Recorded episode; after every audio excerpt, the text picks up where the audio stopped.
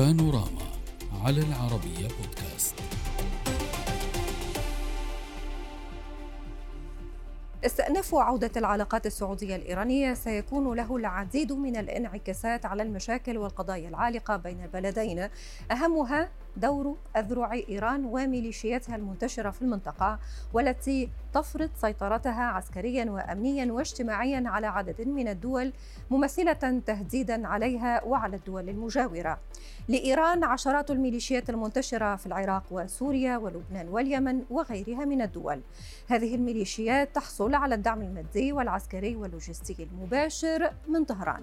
في اليمن استراتيجية إيران كانت واضحة ومباشرة بالتوغل عبر ميليشيا الحوثي اليمنية. دعم عسكري بنقل عتاد من طهران إلى صنعاء وتوجيه صواريخ إيرانية نحو أهداف داخل الأراضي السعودية. عدا عن توجيهات طهران المستمرة لميليشيا الحوثي باستهداف ناقلات النفط وبتهديد الملاحة الدولية. إلى جانب إرسال خبراء وعسكريين من ميليشيا حزب الله اللبناني لليمن لتدريب عناصر الحوثي. أما في العراق ففي السنوات الأخيرة نجد أن العراق تحول إلى بؤرة مفضلة كما يقول مراقبون للميليشيات الإيرانية خصوصا للحشد ولحزب الله ولكتائب أبو الفضل العباس. كما تهيمن الميليشيات الإيرانية أو التابعة لها على مناطق عدة في شمال وشرق وجنوب سوريا كميليشيا حزب الله اللبناني والحرس الثوري الإيراني وميليشيا فاطميون وغيرهم. نناقش هذا الموضوع مع ضيوفنا من الرياض محمد العنقري الكاتب الاقتصادي. أهلا بك. من الكويت سامي النصف وزير الإعلام سابقا. أهلا بك معالي الوزير. واسمحوا لي أن أبدأ من الكويت معك أستاذ سامي. أستاذ سامي سنبدأ بموضوع الميليشيات في الواقع. في إطار مناقشتنا لكل الزوايا في محاولة لفهم هذه الاتفاقية وخاصة ما الذي ستدعمه هذه الاتفاقية؟ يقول مراقبون بأن موضوع الميليشيات قد يكون الموضوع الأكثر حساسية من بين كل الملفات المطروحة على الطاولة وهي كلها في الواقع مواضيع مهمة ومواضيع حساسة وشائكة، ولكن إلى أي مدى موضوع الميليشيات قادر أن يحل أو على الأقل أن يبدأ في العمل عليه والتفاوض بخصوصه في مراحل قريبة؟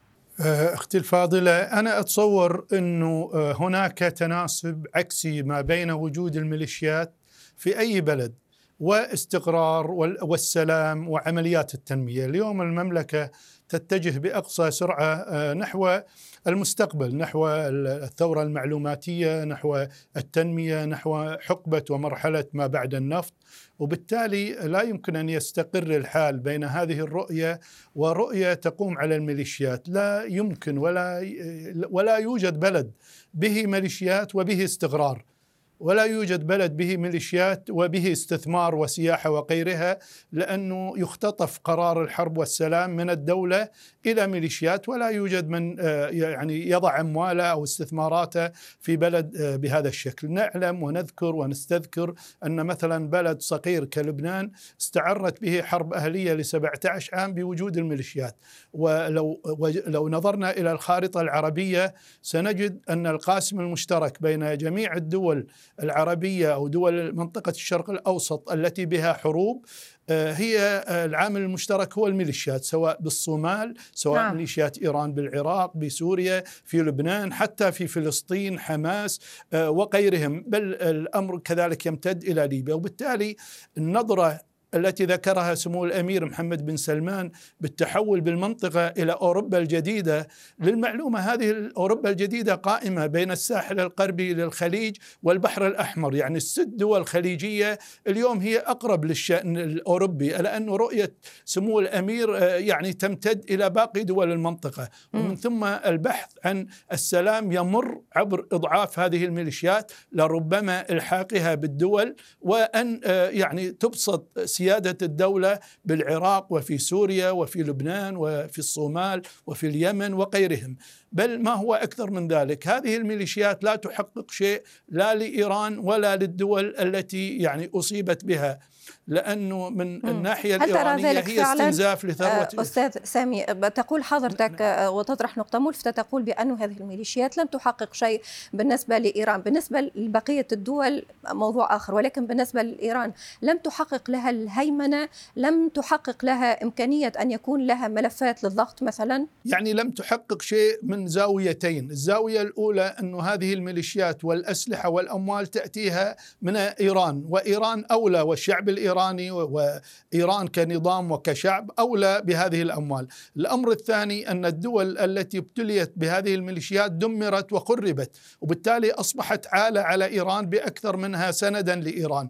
وبالتالي إحلال السلام بهذه الدول أنا أتصور أنه نعم. سيجعل هذه الدول آه، صديقة لإيران وداعمة لإيران لا أنا لا أرى دولة من هذه الدول سواء العراق أو آه، أو اليمن أو سوريا أو لبنان أو فلسطين أو غيرها آه، هي دول معادية لإيران هذه الدول لو استقر الحال بها يعني ولو- ولو ستكسب تحسن التعاون مع إيران وضعها. والتبادل الاقتصادي صحيح ونحن في جزء آخر نعم. سنتحدث عن موضوع الازدهار ولكن سيد العنقري هل تضررت إيران من دعمها واستثمارها في هذه الميليشيات؟ هل أضر بها الموضوع على مستوى اقتصادها الداخلي؟ يكفي أن نقول أن إيران اليوم تحتاج إلى أكثر من 1.5 تريليون دولار فقط حتى تقترب من مستوى البنى التحتية والتقدم الموجود في دول الخليج. فما بالك إذا كانت ستسبقها؟ هذه كلها خسائر. اليوم آه، في إيران لا يوجد أرقام اقتصادية حقيقية لأن الدولة لا تقدم أرقام دقيقة ولكن سأعطي معلومات من داخل حديث البرلمانيين الإيرانيين. هم يقولون أن البطالة 14% أحد البرلمانيين ذكر بأنها 55% ما تفسير ذلك؟ تفسير ذلك أن أغلب الموظفين الإيرانيين لم يعد الراتب يكفيهم إلا أيام فأصبحوا يفضلوا العمل الحر وبالتالي هؤلاء أصبحوا بحكم العاطلين لأنهم إذا لم يعملوا فلن يأكلوا.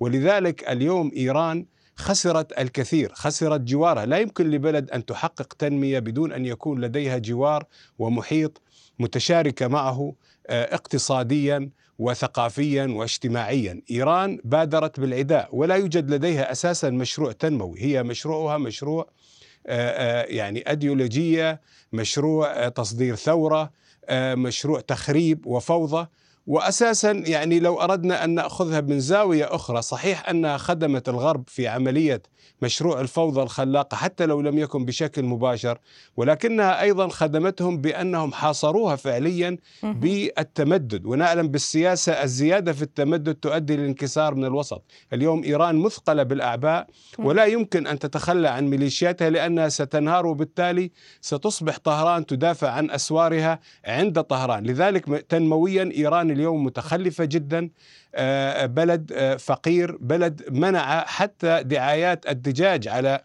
التلفزيون حتى آه، لا يعني يضايق الفقراء الذين لا يستطيعون آه، شراءه. وهذا يعني أن هناك عدد كبير. صحيح ولكن آه، أستاذ العنقري برغم كل ذلك وبرغم من أن إيران آه، تمثل لها هذه الميليشيات عبئا ثقيلا ولكنك ترى من وجهة نظرك بأن مصلحة إيران آه، تتمثل في الإبقاء على آه، هذه الميليشيات. أود تعليقك لو سمحت آه، أستاذ سامي فيما يخص هذه النقطة. هل تعتقد بأنه مع هذه الاتفاقية ستبدأ إيران بالتفكير بطريقة مغايرة. هل قادرة فعلا آه، على التخلي على هذه الميليشيات؟ أنا أتصور آه، قضية ال- الرقبة هي المهم. أما القدرة فنعم. يعني إيران عندما توقف دعمها العسكري والمالي وغيره لهذه الميليشيات أنا أتصور الأمر هذا ممكن بل أنها لن تحتاج للدفاع عن أنفسها على أسوارها لأنه لن يكون هناك مبرر للدفاع. اليوم العالم بأكمله. يعني يتجه للسلام وللتعاون ولاستبدال الأيديولوجيا بقضايا التعاون الثنائية. وبالتالي إيران إن رغبت بل لربما وهذا سؤال هام لربما مم. هذا الترمومتر الحقيقي لقضية الاتفاق الذي تم قضية إرجاع السفارات بذاتها. آه، كما نعلم أن الحروب الباردة وأحيانا حتى الساخنة تقوم بوجود السفارات. إنما القصد أو القضية أو تفاؤل الناس وتفاؤل دول المنطقة هي بالخطوات الخطوات اللاحقة. وبالتالي أنا أتصور أنه إذا كان هناك تغيير بالمنهج وبالمسار سنرى آه، لربما ضعف لهذه الميليشيات وانضمامها بالنهاية إلى الدولة ولسيادة الدولة. لا بديل لهذا الأمر.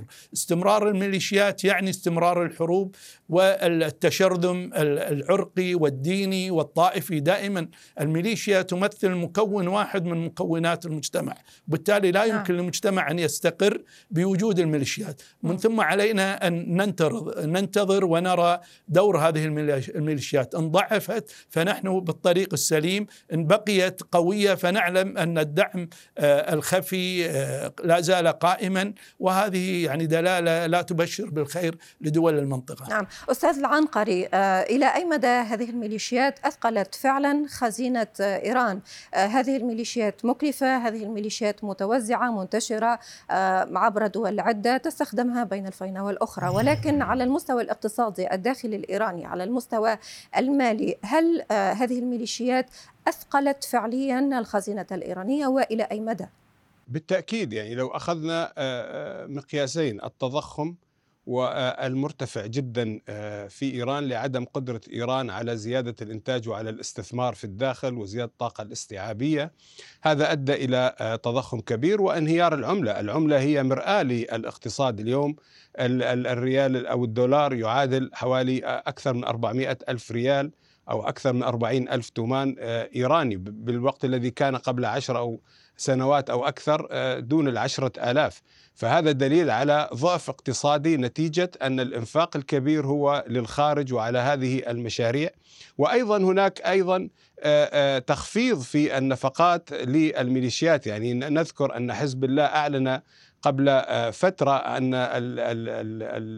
المساعدات التي تأتيه من إيران أو الإعانات انخفضت إلى النصف فهذا دليل أن إيران آه، تعاني ولا يمكن أن تكون آه، نعم. إيران يعني بعيدة عن الضرر الاقتصادي لأننا كما ذكرنا كل الأموال توجه لمشاريع غير إنتاجية وبالتالي دفع هذا الشارع الإيراني للاحتجاج بين فترة وأخرى هي آه، هو احتجاج فقراء يعني وثورة قد تكون ثورة جياع بشكل أكبر في الفترة القادمة إن لم تحل إيران مشاكلها وتغير من نمط سلوكها وتعترف بأن مشروعها آه، فشل ولا نعم. بد أن تغير البوصلة آه، فيه نعم. أستاذ سامي حضرتك من المؤيدين لفكرة بأن إيران قادرة أن تتخلى عن هذه الميليشيات وقادرة أن تفكر بطريقة أخرى لمصلحتها الخاصة أولا آه، بالداخل ولمصلحتها كذلك مع آه، جيرانها. ولكن سؤال مطروح ما مستقبل هذه الميليشيات؟ آه، بحسب قراءتك ميليشيات صرفت عليها كلفتها تعبت دربت فكيف سيكون مستقبل هذه الميليشيات إن فكرت إيران في التخلي عنها؟